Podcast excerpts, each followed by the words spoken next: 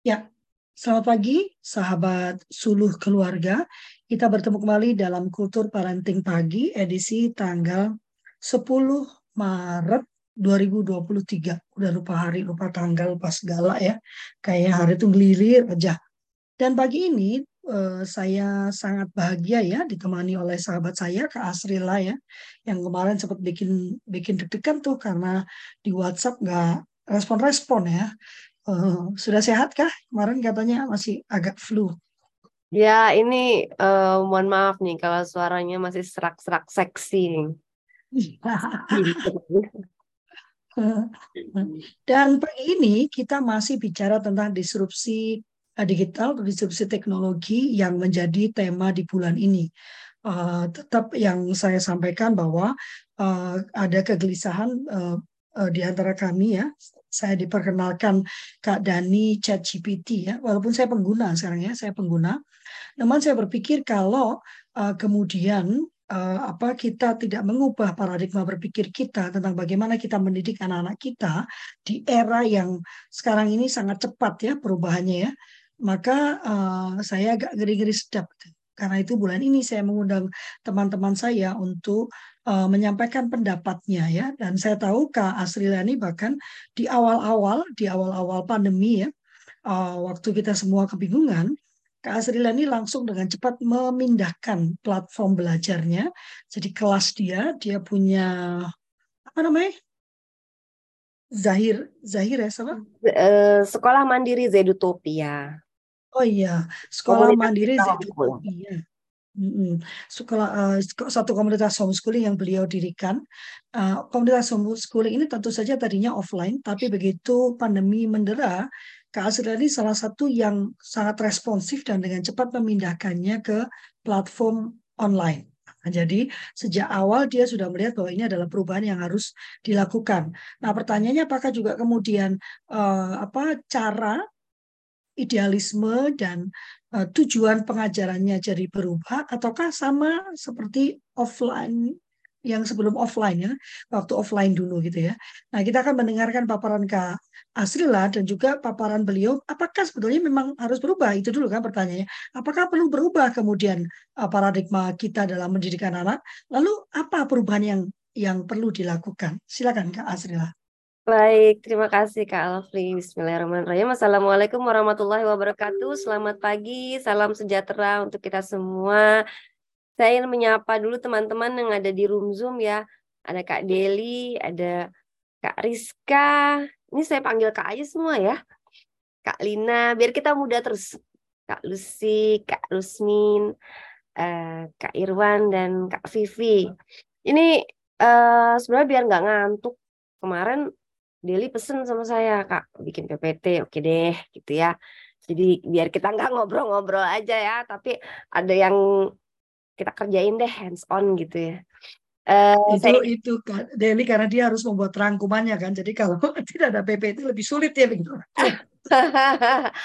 iya jadi oke okay, baiklah gitu. Uh, saya bikin um, biar uh, kita ada yang dikerjain juga. Nggak cuma dengerin doang ya kalau dengerin aja sih apa ya ngantuk lah jam segini ya.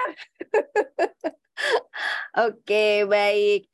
Um, pendidikan di era disrupsi digital ini tema yang diminta sama Kalofli berat nih sebenarnya ya kan? Karena bicara macam-macam sebetulnya di dalam pendidikan di era disrupsi digital. Tapi saya berasumsi bahwa yang masuk ke dalam suluh parenting adalah uh, orang tua ya. Jadi uh, mungkin nanti kita akan fokus dulu ke orang tuanya gitu sebelum nanti kita bicara mungkin uh, kurikulum yang lebih berat-berat gitu deh gitu. Apa yang bisa dilakukan di keluarga dulu mungkin ya seperti itu. Eh, tapi saya kok sok pede aja ya. Saya uh, kenalkan diri dulu nama saya Sri Lanur. Uh, kebetulan saya juga pegiat pendidikan keluarga dan literasi digital. Um, ya alhamdulillah uh, saya dan komunitas uh, seperti tadi Kak Lofi bilang ya um, langsung apa ya um, sebetulnya bukan switch 100% ya tapi uh, sebetulnya ini adalah sesuatu keniscayaan.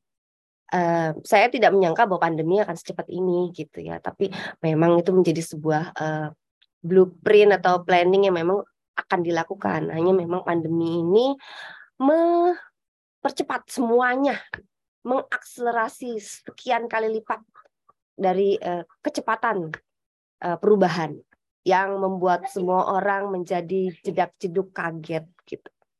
Uh, shock bahkan banyaklah ya yang terganggu karena perubahan-perubahan ini. Oke. Kita lihat apa sih itu uh, di ah ini dia. Kan tadi ya, pendidikan di era disrupsi digital. Kita selalu ngomong disrupsi digital, tapi kita kok pengen tahu dulu sebenarnya kita uh, udah paham belum sih apa sih sebenarnya yang dimaksud dengan disrupsi digital. Nah, saya mau ngajak main dulu nih kakak-kakak yang ada di dalam kakak-kakak yang ada di dalam Zoom untuk uh, nah ngisi gini ya. Ntar saya stop share sebentar. Saya akan kasih link di chat Zoom. Nanti tolong diklik langsung diisi ya. Simple kok hmm, nggak susah. Tunggu sebentar. Kita buka dulu mana dia. Ini kalau pagi nih kadang-kadang masih lola ya. Iya, kita tuh punya problem bandwidth yang luar biasa loh di Indonesia ini bahkan di perkotaan. Oke, ada link sudah saya kirim ke uh, chat Zoom. Uh, mohon kakak-kakak klik dan kemudian uh, diisi ya. Nanti kelihatan kok uh, ininya apa namanya uh, jawabannya apa gitu. Mana ya share screen-nya kok hilang.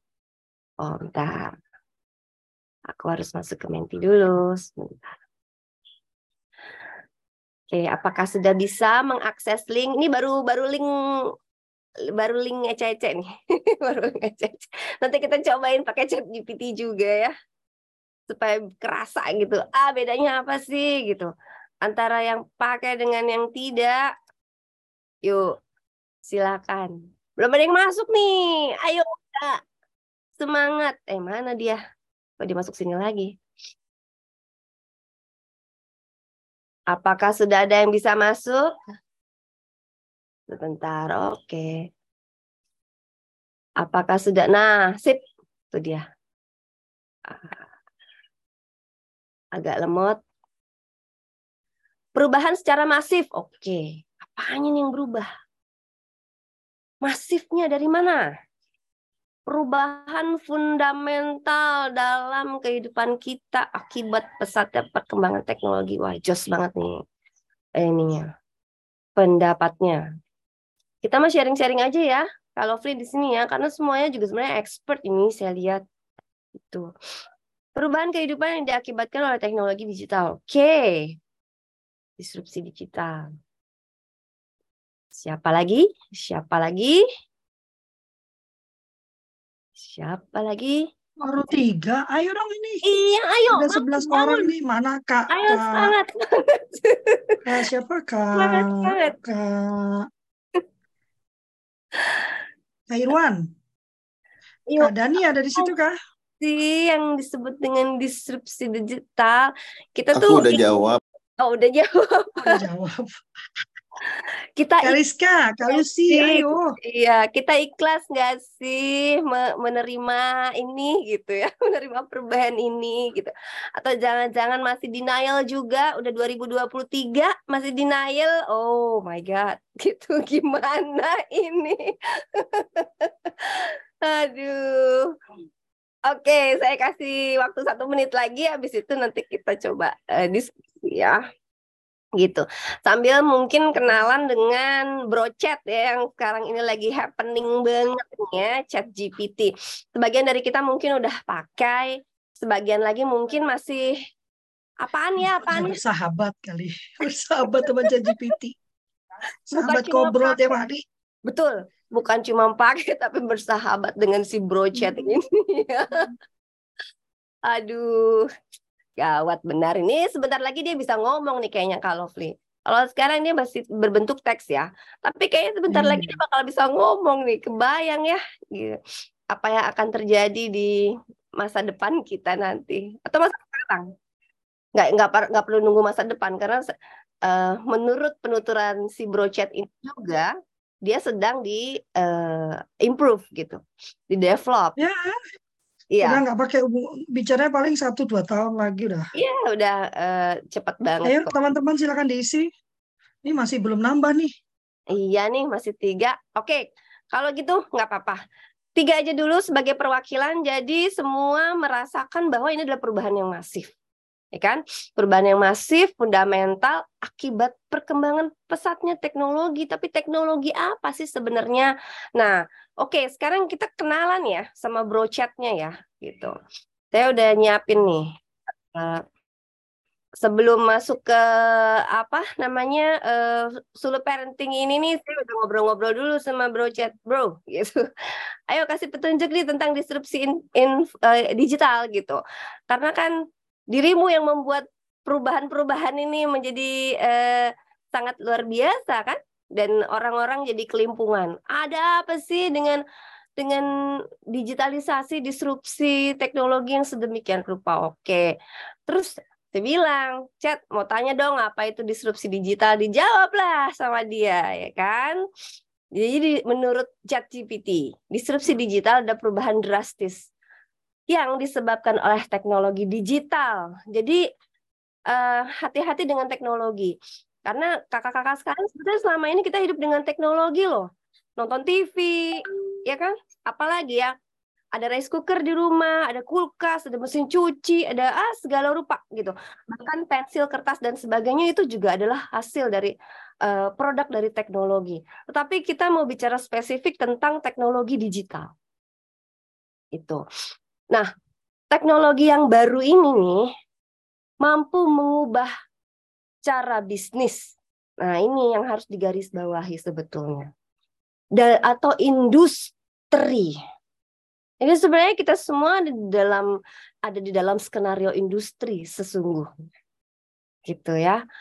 Dan ini dia sering kali merusak model bisnis yang sudah ada sebelumnya. Saya nggak gitu setuju sih sama uh, si Brochet ini kalau dia bilang merusak. Menurut saya gini, ada kelahiran, ada kematian ya, gitu. Ada hal-hal yang sudah usang dan memang sudah tidak lagi digunakan. Dulu orang zaman dulu, gitu ya, bikin rumah, bikin batunya pakai tangan, terus disusun dengan banyak orang. Sekarang ada pabrik. Nah, kemudian eh, membuat rumah jadi lebih mudah karena batu-batunya dicetak oleh pabrik. Nah, eh, sehingga pekerjaan-pekerjaan yang dulu ada sekarang pasti hilang. Begitu juga dengan adanya disrupsi digital ini. Gitu. Um, pekerjaan-pekerjaan atau bisnis-bisnis yang sudah ada sebelumnya atau usaha-usaha yang ada sebelumnya dalam tanda kutip itu akan punah. Dan ini hukum alam sebetulnya. Hanya kebetulan nih kita tuh diberi anugerah nih sama Tuhan nih hidup di zaman old yang umur-umur kita nih tempat uh, hidup di zaman old dan kemudian merasakan transisi ini belum betul-betul masuk ke dalam disrupsi menurut saya. Kita sedang dalam masa transisi. Mudah-mudahan nanti di antara kita ada yang umur panjang ya. Jadi sempat misalnya ngerasain nanti teknologi uh, eh, AI-nya udah jadi human droid atau misalnya udah ada teleportasi tapi kita nggak tahu itu kapan dan kita juga nggak tahu apa kita masih hidup apa enggak. Tapi kita dikasih anugerah sama Tuhan sekarang ini kita berada pada masa transisi. Bisa ngelihat loh dari yang tadi kita pakai mesin ketik apa ya? IBM ya? Cetak cetak cetak cetak the brother ya? Ada yang ngalamin nggak tuh? Gitu. Terus kemudian pakai komputer yang gede banget Macintosh lah apa segala macam terus kemudian pakai disket gede-gede. Anak-anak kita gak ngalamin. Sama sekali mereka gak ngalamin. Bingung mereka apa itu mah? Besar sekali disketnya itu berapa giga aduh boro-boro boro-boro satu giga itu paling cuma muat dua mega gitu uh, anak saya lihat disket saya waktu skripsi, wah banyak banget gitu. Itu mereka ketawa gitu. Karena mereka tidak mengalami masa itu. Kita dikasih kesempatan untuk mengalami masa masa old tadi dan masa sekarang. Dan tentu saja itu akan menjadi sebuah apa ya? Kita berada dalam situasi jet lag lah. Itu sesuatu yang tidak pernah terpikirkan sebelumnya Kemudian sekarang kita diminta untuk apa-apa ngisinya online. Apa-apa isinya online. Boro-boro ngisi online yang klik link aja setengah mati gitu. Yang mana Bu yang harus diklik yang biru apa yang hitam? Email pun juga masih belum semua uh, apa canggih gitu ya. Ini untuk uh, orang-orang tua ya pada umumnya. Uh, saya kira orang tua hari ini memang harus jadi orang tua pembelajar mau tidak mau karena nanti kita akan lihatlah banyak banyak sekali banyak sekali hal yang memang harus dipahami orang tua supaya bisa membawa anak-anaknya ke dalam tanda kutip jalan yang benar lah gitu ya. Nah, disrupsi digital terjadi ketika teknologi baru mengubah cara tradisional bisnis atau industri, kemudian mengganggu nilai-nilai yang sudah ada, yang sudah established uh, sebelumnya gitu. Uh, contohnya apa misalnya? Ke kantor. Dulu itu ke kantor itu pasti harus apa pakai fingerprint kan gitu. Masuk jam 8, pulang jam 5. Pokoknya uh, kalau nggak kalau telat potong gaji ya begitu ya pokoknya. Sekarang enggak. Sekarang orang um, apa namanya absennya lewat aplikasi. Pun anak-anak sekolah absen bisa lewat aplikasi. Ada perubahan nilai di situ. Ada perubahan cara, ada perubahan cara hidup. Jadi memang berefek pada semua hal. Nah, kemudian uh, disrupsi uh, digital ini ya jelas sekali ya akan sangat mempengaruhi um, industri secara keseluruhan. Gitu. Pabrik-pabrik yang tadinya misalnya ya eh, di level-level karyawan administrasi harus ada lima orang misalnya. Dengan dengan uh, teknologi seperti ini di mana semua karyawan bisa uh, absen online, bisa um, apa namanya hmm, memberikan laporan online, apakah akan sebanyak itu tenaga kerja yang dibutuhkan? Nah, hati-hati di situ bahwa perubahan ini memang nanti akan melahirkan kerjaan baru sebetulnya. Spek baru. Walaupun konsekuensinya ada hal-hal yang memang harus hilang. Karena memang sudah masanya. Apakah kita ikhlas menerimanya? Itu dulu, ya. Kemudian uh, contoh disrupsi digital yang terkenal. Ini uh, chat GPT-nya masih uh, datanya juga masih data lama nih. Dia masih pakai Uber sama Lyft nih. Karena memang ini yang awal-awal sih sebetulnya, Uber sama Lyft di bidang transportasi. Pernahkah kita terpikir bahwa kita tidak lagi mencegah tukang ojek pangkalan di tengah jalan untuk supaya kita bisa punya transportasi ke mana-mana, tapi bisa nunggu di rumah dan dijemput? Pernahkah kita terpikir bahwa kita bisa satu saat ngirim paket nggak perlu ke kantor pos misalnya, tapi nunggu di rumah, paketnya diambil, paketnya diantar? Pernahkah kita berpikir seperti itu? Pernahkah kita berpikir dulu kita bisa belanja jam 12 malam dan barangnya bisa hadir tepat di depan rumah kita jam 7 pagi? Pernahkah kita berpikir seperti itu 5 atau 10 tahun yang lalu? Hari ini kita mengalami itu semua. Dan ini bukan uh, bukan perkara mudah untuk menerimanya karena banyak yang akan uh, apa berubah. Gitu.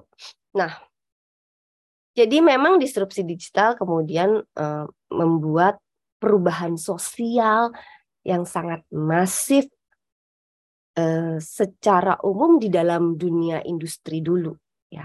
Karena diawali dulu di dalam dunia industri. Nah, bagaimana kemudian, bagaimana kemudian um, disrupsi digital ini kemudian juga mempengaruhi keluarga. Saya mau tembak keluarga dulu deh Kak Lovely sebelum kita bicara pendidikan yang lebih luas ya. Karena eh, balik lagi menurut saya pilar utamanya adalah keluarga gitu. Tanpa tanpa keluarga kita eh, artinya tanpa kita bisa memproteksi keluarga kita di dalam disrupsi digital ini kita mau ngomong berbusa-busa juga wah, wah pendidikannya harus berubah, kurikulumnya harus berubah dan lain dan lain sebagainya. Saya kira itu akan menjadi sebuah apa ya debat kusir yang nggak akan pernah hmm, uh, selesai gitu. Jadi uh, yang terpenting keluarga dulu deh. Oke, sekarang saya mau lanjutin ininya. Mudah-mudahan saya nggak terlalu ngelayap ke mana-mana ngomongnya nih. Oke, okay. next slide.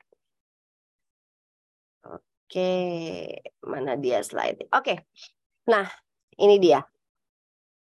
Ketika kita tahu bahwa ada perubahan masif ini terjadi di dalam lingkungan kita uh, dan masuk ke dalam lingkungan terdekat, yaitu keluarga, maka cara berpikir kita juga harus berubah. Mungkin kalau menurut saya inilah PR terbesarnya. Uh, saya memahami bahwa orang tua mungkin sudah di usia-usia berapa ya? Mungkin uh, kalau yang milenial mungkin 30 35 tahun ya.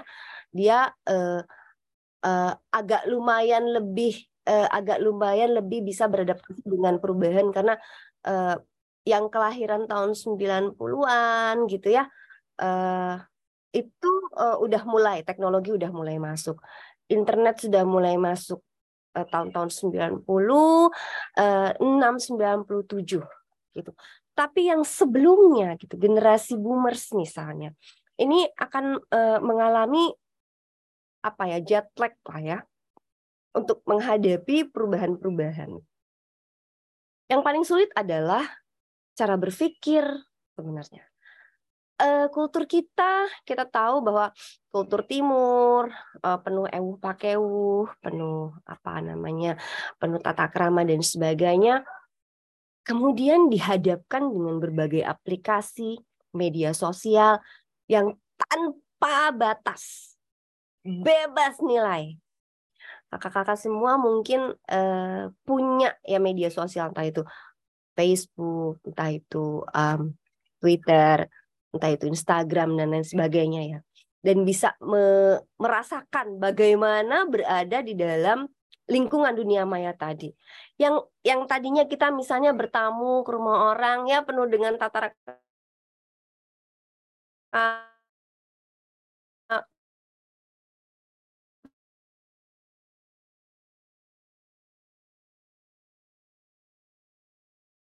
pro ya. Dan dan juga uh, karena tidak ada rulesnya ya udah bahasanya juga tanpa batas. Ada eh, platform-platform yang dinilai soft gitu ya dinilai soft uh, tidak terlalu sarkas tidak terlalu toksik tetapi most of the platform sekarang itu yang dipenuhi oleh anak-anak muda ya nanti mungkin kakak-kakak bisa lihat sendiri deh. Atau terjun langsung aja ke dalam. Atau malah, eh, malah mungkin sudah ikut uh, berada di dalam bergulat di dalam platform-platform tadi ya. Jadi uh, jauh dari nilai-nilai um, apa ya etika kesusilaan gitu ya. Uh, dan akibatnya jadi banyak war jadi banyak berantemnya di dalam. Dan bullying dan sebagainya itu di dalam mm, platform-platform media sosial. Bagaimana dengan e, untuk menghadapi ini? Apakah kita anti aja dah, udah gak boleh pakai media sosial sama sekali, udah nggak usah pakai internet, udah nggak usah pokoknya nggak kenal dunia digital, gitu. Atau kita mencoba menyelami, memahami, dan kemudian menerima, tapi dengan catatan kita tahu bagaimana menggunakannya. Uh, kemudian terbuka terhadap perubahan ya seperti tadi ya, dan memanfaatkan teknologi secara optimal. Jadi uh, mungkin mungkin kita sebagian user ya uh, hanya menggunakan gitu, atau mungkin sebagian lagi sudah jadi konten kreator atau malah sudah jadi influencer atau ada yang uh, sudah uh, mendevelop gitu. Atau malah ada sebagian yang jadi programmer gitu. Tapi uh, intinya adalah sekali lagi teknologi adalah tools. Teknologi adalah alat yang mempermudah kehidupan manusia agar kualitas hidupnya lebih sejahtera. Sehingga yang perlu kita lakukan adalah memastikan kita tidak terbawa arusnya, bukan termakan teknologinya, tapi mampu menggunakannya untuk sebesar-besarnya kebermanfaatan manusia. Nah, how to-nya itulah yang mungkin kita perlu sama-sama pelajari. Kita perlu sama-sama uh, diskusi ya. Metodenya mungkin beda-beda satu dengan yang lainnya. Karena memang tadi uh, di era digital ini nggak ada yang statik kakak-kakak. Nggak ada yang status quo kakak-kakak. Hari ini gitu ya. Hari ini ada chat GPT. Enam bulan yang lalu belum ada. Kita masih terpaku pada Mbah Google. Hari ini ada si brocet datang. Bulan depan atau enam bulan lagi atau tahun depan kita nggak tahu teknologi apa lagi yang akan datang. Kemarin teman saya udah ngirim, kan dia manggil saya lah, Real, nih ada eh, apa namanya Open AI lagi, tapi untuk drawing. Jadi si Open AI-nya ini, si AI-nya itu bisa bikin gambar-gambar luar biasa lah pokoknya bagusnya.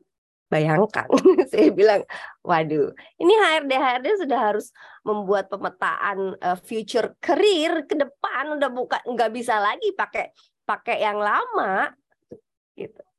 Harus pakai yang baru dan itu uh, sifatnya tuh dinamis sekarang ini. Jadi please don't think bahwa kita akan baik-baik saja dengan pengetahuan yang sudah kita punya sebelumnya. Tapi balik lagi itu pilihan ya gitu. Ketika ada orang yang mau memutuskan bahwa oke okay, saya anti teknologi, fine. Dengan segala konsekuensinya. Tapi ketika kita mau menerima teknologi itu dengan lapang dada, itu juga fine dengan segala konsekuensinya. Jadi bukan bukan hanya sekedar oke okay, kita pakai tapi kita nggak tahu apa-apa. Uh, nah ini yang bahaya karena kita nanti akan menjadi uh, apa ya uh, digulung oleh teknologi itu sendiri. So uh, pemahaman, pengetahuan, keterampilan untuk penggunaannya itu menjadi keniscayaan. Dan uh, basicnya adalah kita mau belajar aja sih sebenarnya. Seperti kita belajar bahasa baru misalnya ya atau misalnya belajar eh, lagi dipindahin divisinya dari dari divisi apa humas ke divisi keuangan. Nah kan jadi kita belajar lagi. Uh, basicnya itu. Um, nah saya mau masuk ke parentingnya dulu ya. Apa yang perlu dilakukan oleh orang tua untuk um, apa ya membentuk anak-anak atau membentuk diri kita sendiri agar kita mampu survive di era digital. Mampu untuk uh, hidup normal apa adanya di era digital gitu. Tanpa harus merasa ketinggalan atau ke uber-uber. Anakku udah bisa pakai anakku udah bisa belajar pakai Minecraft. Aku juga harus bisa pakai Minecraft juga. Begitu masuk mau jalan aja susah mau mencet aja susah. Ini gimana mau ke kanan mau ke kiri? mau mau terbang mau mau bikin meja. Wah, karena apa? Ya, kita harus menyadari lah bahwa kita nih yang sudah um, memasuki parubaya ini koordinasinya juga udah kurang. Beda dengan anak-anak yang punya kecepatan tingkat tinggi nih, speednya luar biasa gitu, koordinasinya luar biasa kita kadang-kadang naruh sendok aja di mana lupa, naruh kacamata di mana aja lupa gitu. Jadi memang ada hal-hal tertentu yang kita memang harus accept bahwa oke okay, oke, okay, saya sudah ada di dalam hmm, stage ini sehingga saya harus milih nih, saya harus di mana nih gitu berada. Nah, uh, artinya apa? belajar tentang teknologi digital kemudian menjadi sebuah keniscayaan dan menurut saya belajar hari ini menjadi amat sangat mudah karena apa karena kita juga disuguhkan um, oleh um, apa ya perkembangan teknologi terima kasih untuk teman-teman developer yang uh, udah bikin uh, berbagai macam aplikasi untuk pembelajaran. Berterima kasih juga saya dengan tim ChatGPT, ya Mbah Google dan sebagainya. Sehingga kita bisa mendapatkan informasi begitu cepat dalam hitungan detik. Kakak-kakak kebayang nggak sih kalau kita masih me me apa ya mempertahankan cara belajar anak-anak itu hanya sekedar kamu baca ya ini terus kamu jawab pertanyaannya. Halo, mereka bisa dengan cepat dalam hitungan detik menjawab pertanyaan kita. Tadi sih saya berharap tuh waktu pas yang menti-menter tadi tuh ada yang iseng-iseng tuh langsung nanya sama chat GPT gitu kan. Jadi langsung kelihatan jawabannya. Artinya untuk urusan knowledge, kalau kita mau bersaing dengan dengan apa ya namanya ya fasilitas database, kemudian uh, pengolahan data dan statistik yang begitu besar, big data seperti ChatGPT, kira-kira kita mampu nggak sih? Kalau mau menguasai pengetahuannya saja, saya kira kita akan sangat buang-buang memori kita ya gitu. Buang-buang uh, apa memori otak kita ya. Hanya untuk memorizing. Hanya untuk menghafal. Saya pikir mungkin ini juga yang nanti akan perlu jadi refleksi buat uh, orang tua dan guru-guru ya. Yuk kita perbaiki cara belajar yuk. Udah bukan lagi menguasai materi tapi learning how to learn belajar gimana caranya belajar, thinking how to think. Jadi anak-anak diajak untuk berpikir, analyzing, menganalisa. Karena kalau cuma ngumpulin data aja, Kak, silahkan buka search engine. Ada banyak. Sekarang ada open AI. Ada banyak. Tapi untuk menganalisa untuk punya cara berpikir sistematis itu butuh skill. Nah, ini yang kita perlukan. Nah, di rumah ini menurut saya menjadi pondasi betul untuk membangun cara berpikir anak-anak. Lewat apa? Lewat diskusi, lewat ngobrol sama orang tua. Gimana caranya supaya bisa ngobrol sama orang tuanya nyambung? Orang tuanya juga mesti belajar. Kalau orang tuanya nggak belajar, gimana mau diskusi, gimana mau nyambung? Itu. Tuh. Terus kemudian tetap harus ada aturan tentang penggunaan teknologi. Nggak bisa dibablasin 24 jam anak-anak pegang handphone apa anak-anak pegang laptop. Nggak bisa. Tetap harus ada rules-nya. Uh, ini ada hubungannya juga screen time, terutama anak-anak yang masih di bawah umur ya, kakak-kakak semua ya. Uh, jangan sampai nanti mereka uh, terkena apa ya penyakit-penyakit secara fisik yang karena terlalu apa terlalu lama gitu screen time-nya. Terus kemudian aturan aturan-aturan juga um, apa saja sih platform yang boleh diakses, game-game yang boleh dimainkan, aplikasi-aplikasi apa aja yang boleh digunakan. Apakah orang tua orang tua sekarang tahu rating-rating game yang boleh digunakan oleh anak-anak? Saya kira itu nanti harus ada sesi sendiri deh gitu. Uh, ISRB-nya apa gitu kan? Gimana cara aksesnya dan sebagainya. Saya kemarin uh, ada kasus uh, apa sih namanya um, GoPay GoPay salah satu ibu ya gitu jebol gitu kalau nggak salah. Pokoknya imaninya jebol karena dipakai sama anaknya buat top up top up diamond di gamenya. Nah itu ya kayak gitu-gitu loh yang yang harus kita apa ya antisipasi dan orang tua juga uh, harus paham gitu mana yang mana yang boleh mana yang enggak nah kalau misalnya orang tuanya juga nggak ngerti sih kasih semua ke anaknya karena merasa orang tuanya gaptek ya bablas ya sampai jutaan gitu uh, terus kemudian aktivitas fisik dan kreativitas ini tetap harus dipertahankan. Walaupun kita misalnya bekerja atau belajar berbasis online, tapi olahraganya tetap penting, keluar rumah tetap penting, berkomunitas tetap penting, bersosialisasi tetap penting. Justru uh, ini menjadi apa ya? Hmm, supporting system gitu, saling saling mensupport antara dunia online dengan dunia offline-nya gitu misalnya event-event pameran kan nggak selalu harus online ya gitu. Bikin event uh, pameran misalnya dengan teman-teman di luar atau olahraga kan nggak mungkin kita olahraganya online ya. Jadi tetap harus uh, ketemu gitu berkomunitas. Jadi bukan berarti kemudian kita cuman ada di dalam rumah di dalam bilik dan di di depan layar kaca ini gitu kotak ajaib. Enggak juga gitu. Justru kotak ajaib ini gitu membantu kita untuk membuat program-program secara lebih cepat. Nanti eksekusinya baru kita bisa lakukan offline.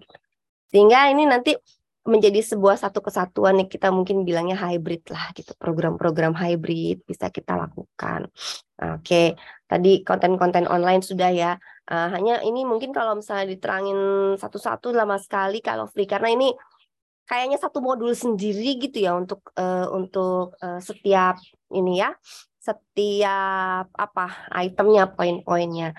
Nah ini yang ini sebetulnya yang paling penting nih. Teladan. Ini bukan hanya di bukan di, di era disrupsi digital menurut saya di basic parentingnya di mana-mana orang tua jadi role model gitu. Jadi uh, mau tidak mau ya kalau kita sudah berkomitmen untuk menjadi orang tua, mau tidak mau, kemudian ya ya sudah kita ambil peran itu, kita belajar mati-matian lah untuk untuk supaya anak kita bisa berada di dalam jalan yang jalan yang benar yang tadi uh, saya katakan ya. Paling tidak kalau kita nggak bisa pakai teknologinya, kita tahu, kita tahu kalau kita nggak mau tahu gimana caranya kita bisa masuk ke dalam dunia anak-anak kita atau remaja-remaja kita akan sangat sulit. Oke, nih saya percepat lagi. Nah ini ini PR besar deh nih kayaknya kalau ini sih rekomendasi ke pemerintah menurut saya sih ya karena kurikulum ya waduh kerja besar itu kakak-kakak semua artinya sekarang ini mungkin ya eh, multidisiplin ya keilmuan dari berbagai bidang itu harus ikut duduk ketika membuat kurikulum pendidikan. Karena kita udah nggak bisa lagi ngasih anak-anak kita cara belajar buka halaman sekian baca kemudian nanti um, apa uh, jawab pertanyaannya Bapak-bapak, Ibu-ibu, itu mungkin ya yang ada di dalam buku itu sudah uh, apa nama informasi yang sekian tahun yang lalu. Hari ini informasi yang ada di media sosial sudah sangat berbeda. Saya saya gini ya, kadang-kadang ini kebetulan saya kadang ngajar remaja-remaja juga gitu ya. Jadi kalau saya dengar bercandaan-bercandaan mereka tuh saya geli sendiri gitu. Karena mereka mentertawakan kita loh, jangan salah. mereka mentertawakan orang-orang tua yang tadi buta map istilahnya ya. Buta konstelasi, buta konteks. Gitu. Karena memang eh, ya para orang tua kan biasanya paham apa yang mereka pahami gitu. Tahu apa yang mereka ketahui. Sementara di era sekarang ini, hari ini dan besok itu informasi bisa berubah. Nah, sehingga bagaimana kita sebagai orang tua mengikuti kecepatan ini. Saya diledek sama anak saya. Mama masih baca uh, koran digital ya. Itu nggak up to date gitu katanya. Bayangan, koran digital dibilang nggak up to date. Jadi harus baca di mana dong? Di grup-grup yang lain, Telegram, Twitter dan sebagainya itu lebih cepat mah aksesnya. Gitu. Berita gempa itu BMKG katanya itu keluarnya itu bisa sekian menit sendiri. Di Twitter tuh per detik orang udah report. Tuh, bayangkan kita disuruh lari dengan kecepatan detik uh, bersama dengan remaja-remaja kita gitu. Itu yang remaja loh, belum yang alfa. Saya belum cerita tuh kehebatan anak-anak alfa sekarang tuh luar biasa. Apakah kita terus kemudian mau lari-lari juga ngikutin mereka? Gimana nih ya untuk yang untuk yang kita kitanya juga perlu kurikulum training kak kalau Lovely nggak bisa dilepas gitu aja. Jadi eh, pendidiknya dipersiapkan, kurikulumnya dipersiapkan, anak-anak itu nanti dengan sendirinya akan mengikuti karena mereka native digital, mereka akan dengan mudah ngikutin. Dan konten-konten mereka karya-karya mereka juga sudah luar biasa luar biasa. Kemudian itu tadi mengembangkan keterampilan digital ini di sini juga saya mau memberikan um, apa ya uh, autokritik terhadap kita terhadap kita para orang tua dan pendidik gitu jangan jangan-jangan, jangan-jangan kitalah yang tidak menguasai keterampilan digital itu. Anak-anak sudah sangat cepat um, punya keterampilan keterampilan tersebut dari mana? Ada YouTube. Mereka belajar dari YouTube. YouTube tuh jadi akademi sendiri untuk mereka. Yang tidak mereka dapatkan misalnya dari sekolah atau dari orang tuanya. Mereka cari dari internet apalagi banyak eh, website-website uh, yang memberikan tutorial-tutorial. Klik di mbah apa ketik di mbah Google juga keluar. Mereka belajar dari sana. Lantas kemudian kita gitu ya sebagai orang tua dan pendidik harus berperan sebagai apa? Nah, that's a question mark. Saya mau sampai situ dulu nanti biar uh, pengembangannya nanti aja. Kemudian menyediakan akses ke teknologi. Hmm, ini kayaknya juga problem besar bandwidth kita masih biar pet biar pet. Ya terus kemudian juga um, fasilitas gitu ya itu juga masih um, minim. Saya kira tidak semua sekolah punya wifi. Jadi anak-anak harus beli paket kuota sementara paket kuotanya juga masih mahal. Banyak hal gitu banyak hal. Membuat siswa terbiasa dengan perubahan? Uh, saya sih mungkin akan lebih condong pada pendidiknya dulu yang terbiasa dengan perubahan. Siswa itu sangat mudah mengikuti perubahan. Yang harus berubah kita. Kalau kita nggak berubah, ya sudah, kita yang ketinggalan. Percayalah, kita yang ketinggalan. Kenapa? open source sekarang ada di mana-mana, sumber belajar sekarang ada di mana-mana. Kalau anak-anak nggak dapat dari kita, mereka tinggal buka laptop mereka, mereka tinggal buka handphone mereka, mereka tinggal ketik apa yang mereka cari. Hitungannya detik. Jadi jangan GR bahwa kita nih orang tua pendidik itu apa ya sekarang ini tuh jadi sumber uh, belajar mereka. Enggak, kakak-kakak sekalian. Bukan itu. Jangan bertarung di knowledge karena kita akan kalah dengan big data. Tapi kita harus pegang value-nya. Kita harus pegang uh, bagaimana kita mengarahkan cara berpikir mereka. Jadi role model tadi. Kemudian juga um, um, apa ya?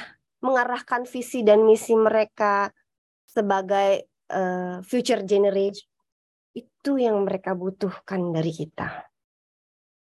Kalau knowledge dan keterampilan, ya kita bisa berpacu lah, bisa berpacu lah dengan mereka. Gitu. Dan jangan sedih kalau mereka jauh lebih cepat dari kita, karena memang nature-nya sudah seperti itu. Nah, ini juga yang penting, yang menurut saya ini jadi PR besar buat kita orang tua dan pendidik, dan mungkin tidak akan pernah bisa digantikan oleh teknologi mana pun, termasuk OpenAI. Keterampilan sosial dan emosional. Bagaimana bonding? Nah ini nih persoalan bonding nih kayaknya nih sepele ya. Tapi ketika bonding antara anak sama orang tua itu lepas, maka konflik dan persoalan banyak lahir di situ. Miskom kata anak-anak sekarang. Error connection. Padahal inilah kekuatan kita para pendidik dan orang tua. Karena kalau uh, kita bisa punya bonding yang baik dengan anak-anak dan uh, apa ya mm, murid-murid kita gitu ya dengan orang-orang tua yang lain maka value-value yang penting untuk kita uh, bangun itu akan mudah untuk diinternalisasi. Ketika mereka merasa bahwa oke okay, saya di accept, saya diterima, saya uh, merasa nyaman, maka nilai-nilai yang kita tanamkan juga, juga akan mudah untuk diterima tanpa resistensi. Hanya itu tadi kita perlu untuk uh, membuka hati dan membuka diri gitu ya, melihat bahwa uh, kita dan anak-anak kita atau murid-murid kita ini sebetulnya sama kok.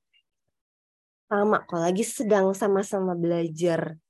Dan kemudian nggak ada yang lebih dari apa yang sedang kita uh, apa jalanin proses ini. Saling backup saling membantu. Nah communication skill di sini kemudian menjadi amat sangat penting. Baik antara orang tua dan anak maupun guru ke uh, murid-muridnya. Sehingga tidak ada lagi itu ya uh, pendidik ya saya kira di parenting nggak ada lah ya gitu yang melakukan kekerasan gitu pada murid-muridnya atau orang tua ya memaksakan kehendak kepada anak-anak. Kamu harus kuliah di jurusan ini supaya nanti bisa kerja di perusahaan ini. Waduh, sementara anaknya udah melompat sangat jauh dan dia udah punya visi, aku mau jadi self employment, aku mau bikin perusahaan.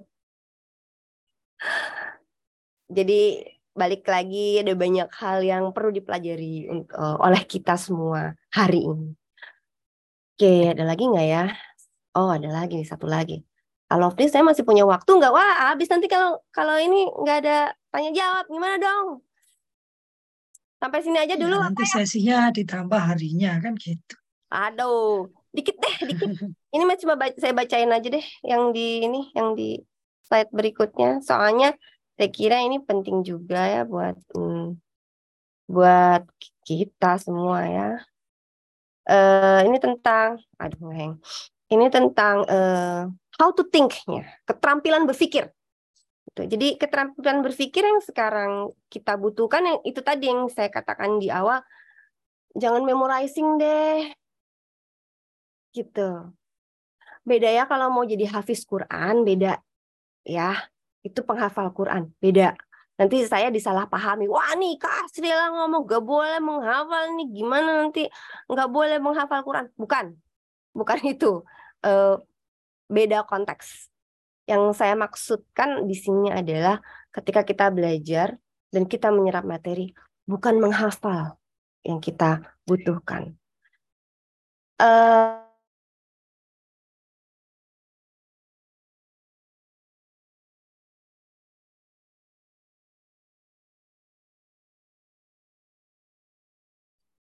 Wah, ini salah satu kelemahan teknologi adalah sinyal. Nge-freeze ya? Nge-freeze.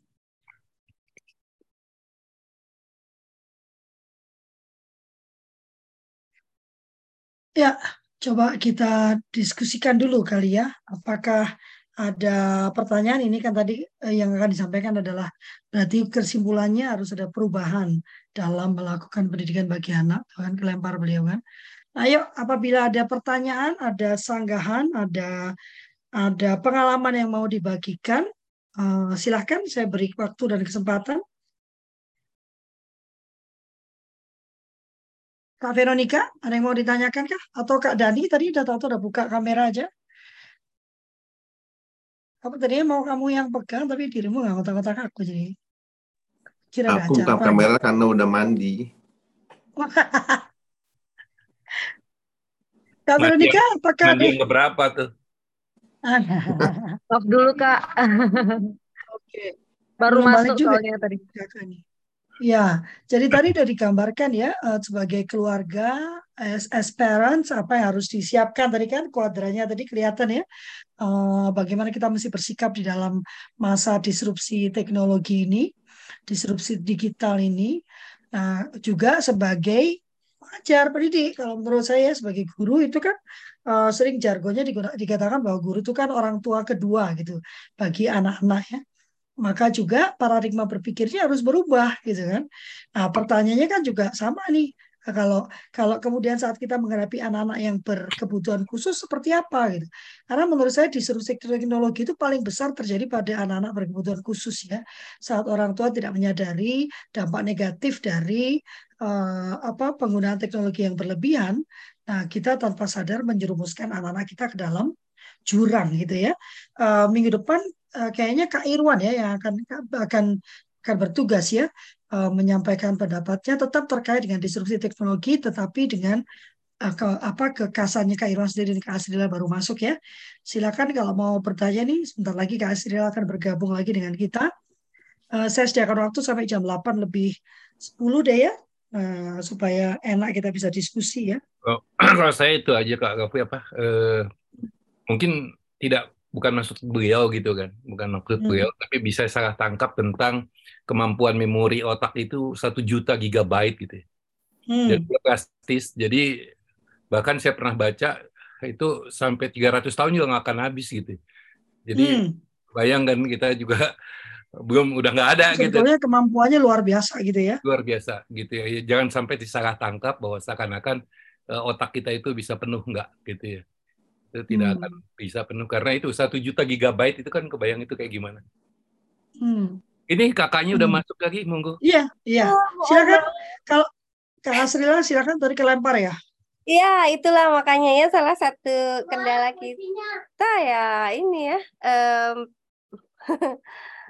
koneksi ya. Koneksi. Ya, begitulah. Silakan, Apakah ada yang mau ini sudah kembali ke aslilannya? Apakah ada yang mau bertanya? Ini ada ada Kak Lucy, Kak Sambudi, Kak Veronica, Kak Rizka, Kak Hapit, Kak Yurike, Kak Nadisa, Kak Yeni, Kak Neni, Kak Leni, Kak Nani, Kak Ferry, Kak Marian, Kak Tommy, Kak Malia, Kak Dewi.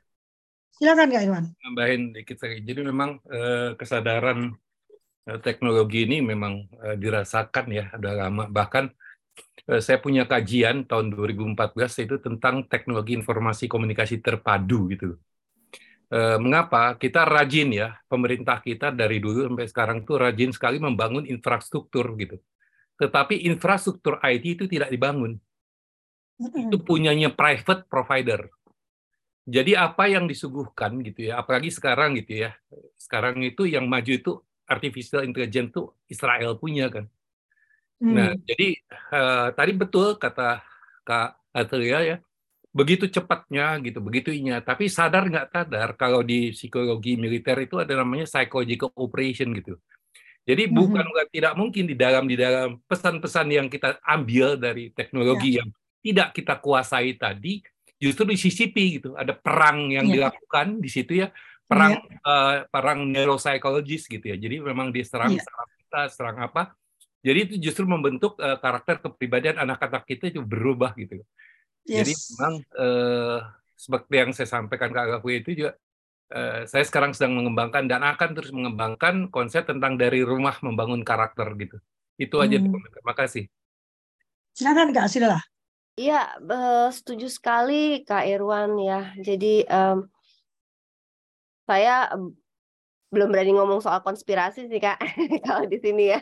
Walaupun sebenarnya emang ya um, disadari atau tidak disadari lah ya. Ini kita kan masuk ke dalam apa ya ya konteks dunia. Kita nggak bisa menutup mata. Tapi balik lagi bahwa uh, saya setuju dengan Kairuan ayo deh dari dari rumah. Mulai dari rumah.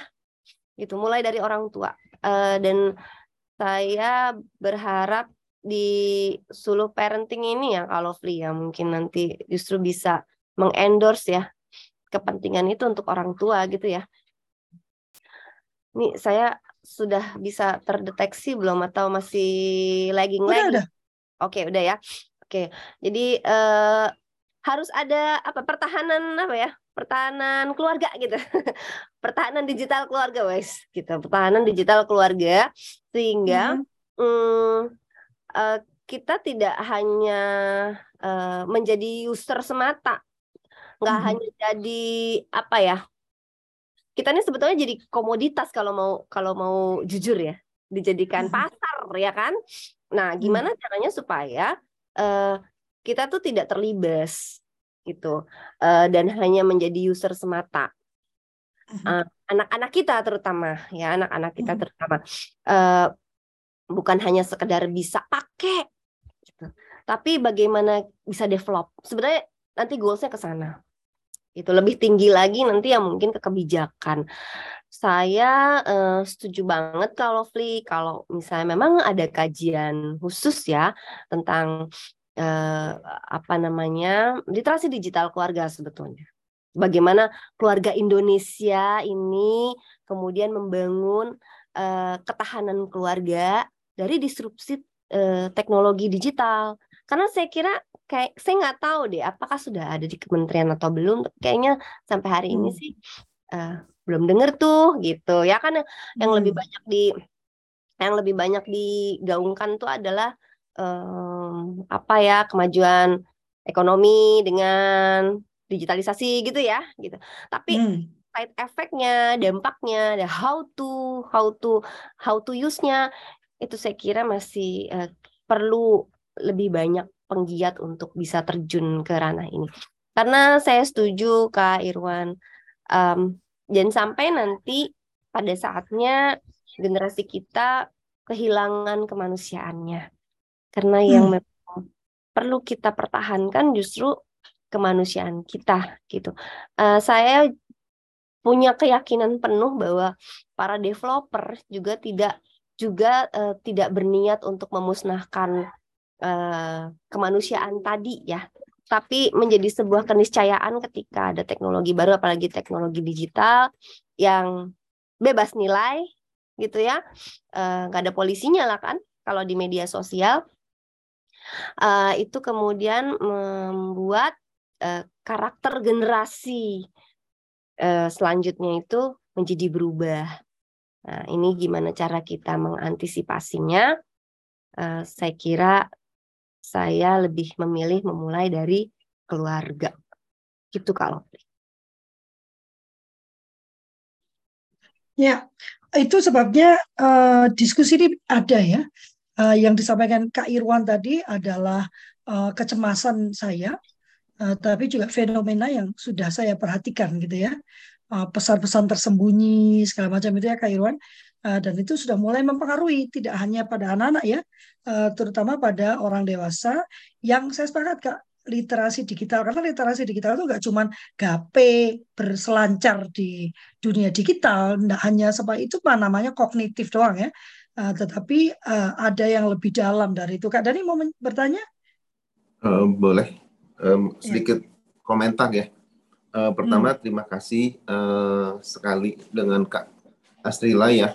Uh, pemaparannya uh, buat saya sangat luar biasa. Juga tadi apa yang dikatakan sama Kak Irwan juga sangat menarik. Uh, saya juga sangat setuju lah. Dan uh, yang yang jadi masalah kan memang anak-anak kebanyakan anak-anak ini lebih lebih canggih daripada orang tuanya.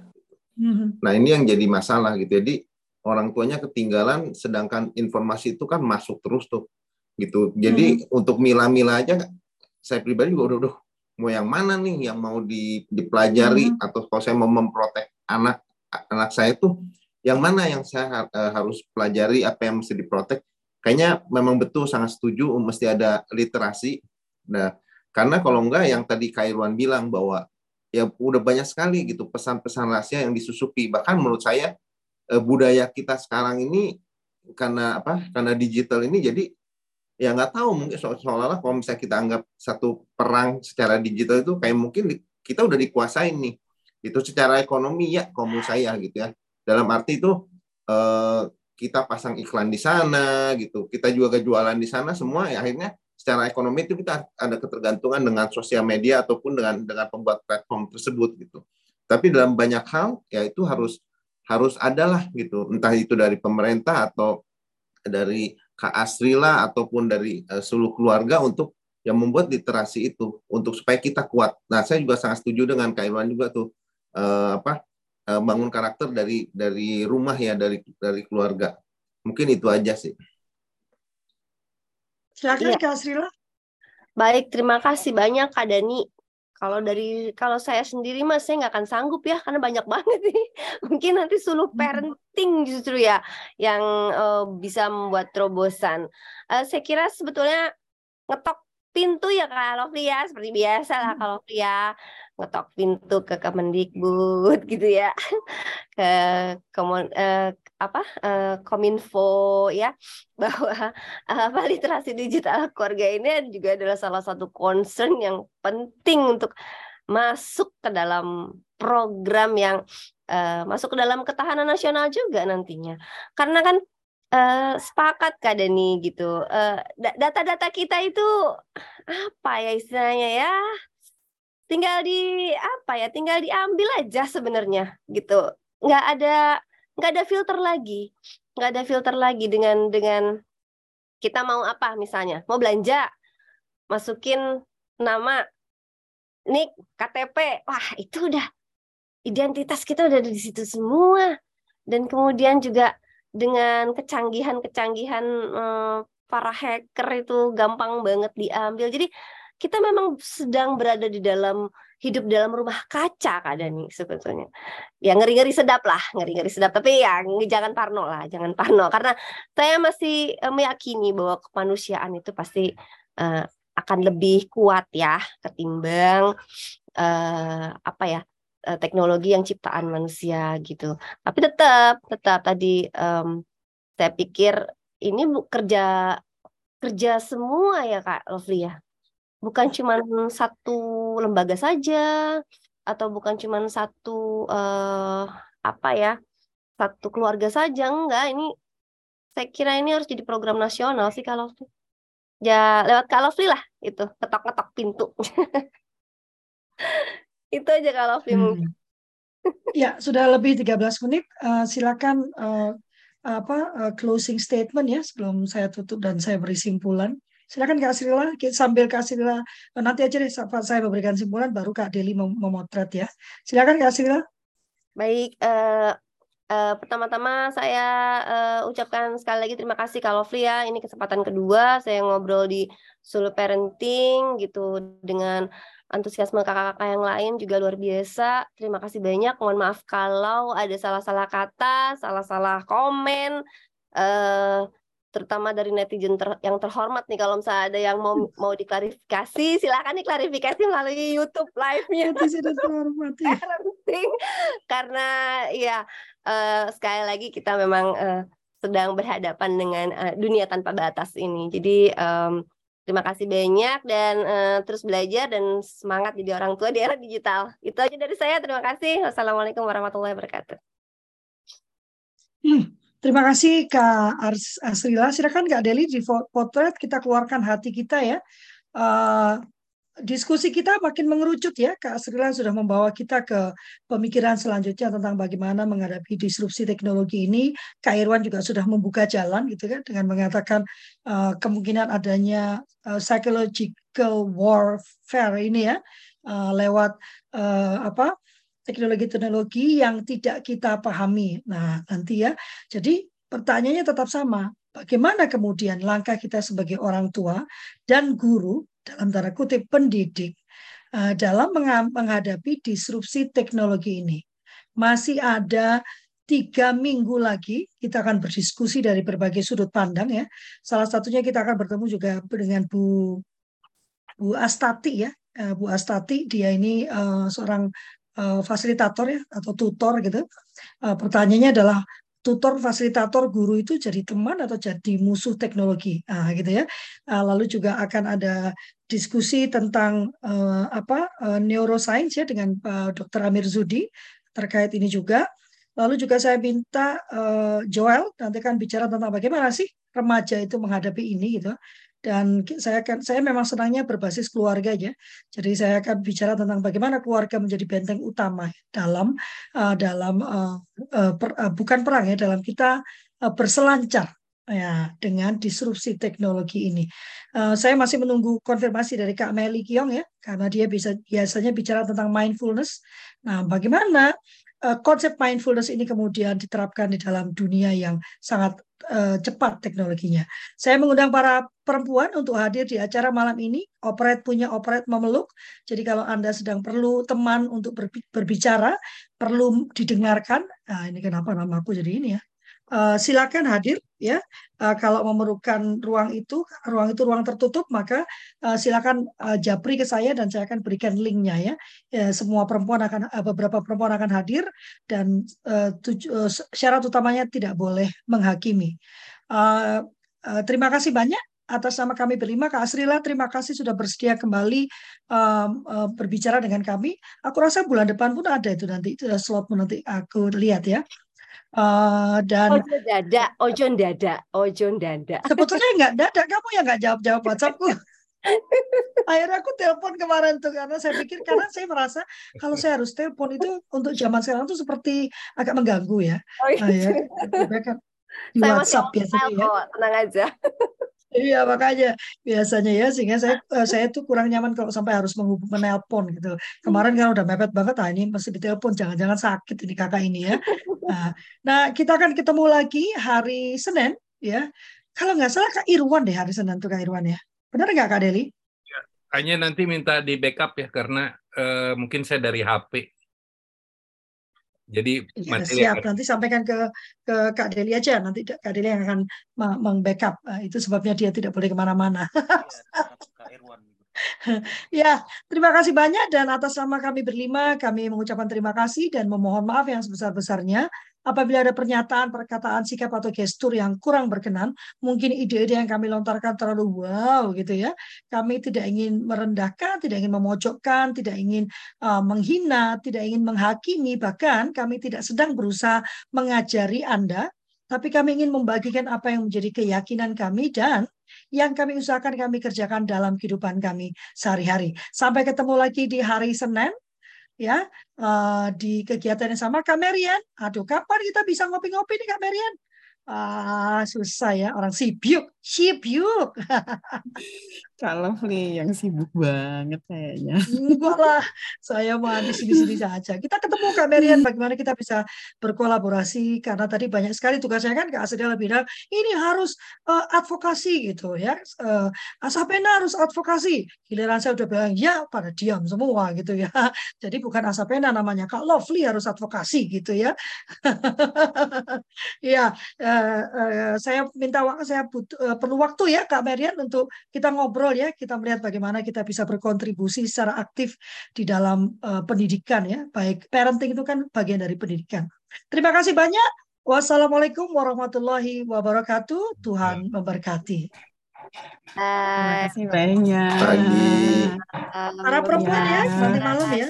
Dia pakai sanggul saya. Jangan usah ya. pakai sanggul. Kang Irwan, udah ada penyewaan sanggulnya udah ketemu belum? Udah, udah, udah dapat. Ah, siap lah. Kirim Bayar juga. Oke, pamit. Tapi, tapi nanti kita akan punya klinik parenting ya. Jadi seperti aparat memeluk, kita buat klinik parenting aja Kak Irwan. Oke. Untuk menjembatani kerinduan Kak Irwan untuk punya komunitas juga. Nah, kita buat. Oke, okay, gitu. okay, saya pamit ya. Pamit.